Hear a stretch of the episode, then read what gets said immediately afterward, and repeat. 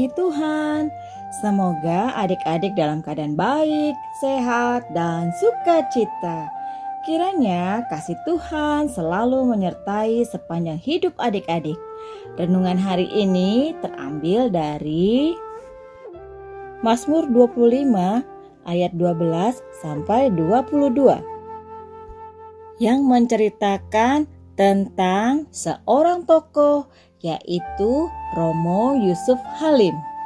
Semoga renungan ini dapat menjadi berkat bagi kita semua. Kita siapkan hati, mari kita berdoa. Bapa yang baik, kami rindu untuk bersekutu denganmu setiap hari, mendengar dan mengerti akan kebenaran firman-Mu. Kami mau mengarahkan hati kami kepadamu, agar kami senantiasa hidup dalam kehendak dan rencanamu. Kiranya roh kudus menyertai dan menguatkan kami. Dalam nama Tuhan Yesus kami berdoa. Amin. Mazmur 25 ayat 12 sampai 22. Siapakah yang takut akan Tuhan? Kepadanya Tuhan menunjukkan jalan yang harus dipilihnya. Orang itu sendiri akan menetap dalam kebahagiaan dan anak cucunya akan mewarisi bumi. Tuhan bergaul karib dengan orang yang takut akan dia dan perjanjiannya diberitahukannya kepada mereka. Mataku tetap terarah kepada Tuhan. Sebab ia mengeluarkan kakiku dari jaring. Berpalinglah kepadaku dan kasihanilah aku, sebab aku sebatang kara dan tertindas. Lapangkanlah hatiku yang sesak dan keluarkanlah aku dari kesulitanku. Tiliklah sengsaraku dan kesukaranku dan ampunilah segala dosaku. Lihatlah betapa banyaknya musuhku dan bagaimana mereka membenci aku dengan sangat mendalam. Jagalah kiranya jiwaku dan lepaskanlah aku. Janganlah aku mendapat malu, sebab aku berlindung padamu. Ketulusan dan kejujuran kiranya mengawal aku, sebab aku menanti-nantikan Engkau. Ya Allah, bebaskanlah orang Israel dari segala kesesakannya. Demikian bacaan firman Tuhan hari ini.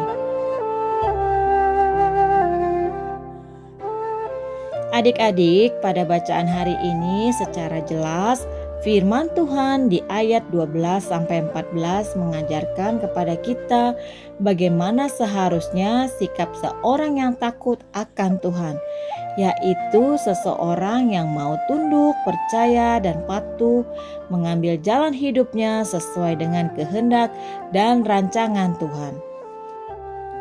Dia tidak mengandalkan dirinya sendiri, dia tidak memberontak dan mengambil jalannya sendiri, dan dia pun tidak dengan seenaknya menjalani kehidupannya, tetapi hidupnya mau didisiplin dan diatur Tuhan agar dengan setia mampu melayani dia sebagai hambanya. Apakah yang akan terjadi bagi orang yang takut akan Tuhan? Secara luar biasa, ayat 13 sampai 14 memberitahukan dampak dan penghargaan orang yang takut akan Tuhan. Firman Tuhan mengatakan secara jelas bahwa Tuhan akan menunjukkan jalan yang harus dipilihnya. Dia akan hidup dalam kebahagiaan yang bersifat terus-menerus dan kekal. Bahkan sampai dengan anak cucunya akan mewarisi bumi Mewarisi bumi berarti bahwa aliran berkat Tuhan, baik jasmani maupun rohani, tidak akan berhenti dan tidak habis-habisnya menghidupi orang yang takut akan Tuhan. Orang yang takut akan Tuhan juga akan menikmati dan memperoleh hubungan yang akrab bersama Tuhan, hubungan yang sangat dekat tanpa batas. Selain itu, janji-janji Tuhan diwujudkannya dalam hidup kita. Kehidupan manakah yang kita pilih sekarang?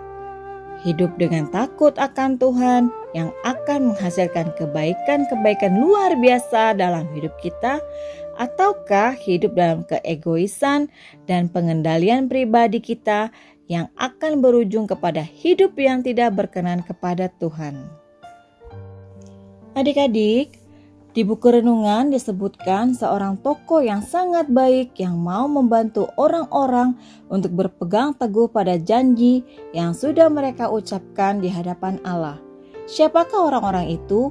Yaitu mereka yang sudah mendapat pemberkatan pernikahan di gereja, yang sudah mengucapkan janji untuk selalu bersama di hadapan Tuhan dan jemaat sebagai suami istri. Namun, dalam perjalanannya ada pasangan suami yang lupa dengan janji tersebut. Kadang-kadang mereka malah memilih untuk berpisah.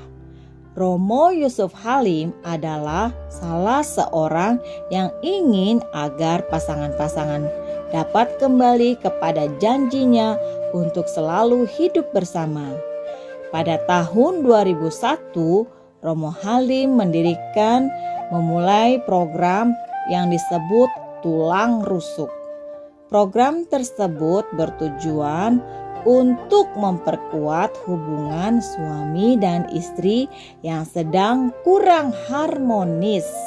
Banyak pasangan suami istri yang akhirnya dapat harmonis kembali setelah mengikuti program ini. Walaupun Romo Halim adalah seorang Romo Katolik, banyak orang dari agama lain yang mengikuti program tulang rusuk tersebut. Pada hari Jumat tanggal 29 Januari 2021 lalu, Romo Halim meninggal karena sakit.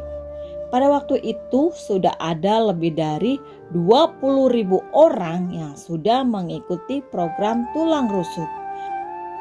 Jika ada teman atau saudara adik-adik yang kita tahu telah berjanji pada seseorang dan sepertinya berniat untuk mengingkari janji itu, maukah adik-adik membantu teman dan saudara adik-adik untuk kembali menepati janjinya?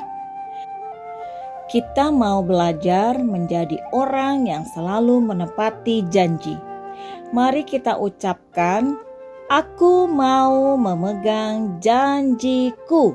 Sekali lagi, aku mau memegang janjiku. Mari kita berdoa. Bapa di surga, ajar kami untuk mau membantu orang lain untuk memenuhi janji mereka dalam nama Tuhan Yesus. Amin. Demikian renungan kita hari ini. Kita mau belajar menjadi orang yang selalu menepati janji, sama seperti Tuhan yang selalu setia akan janjinya. Tuhan Yesus memberkati.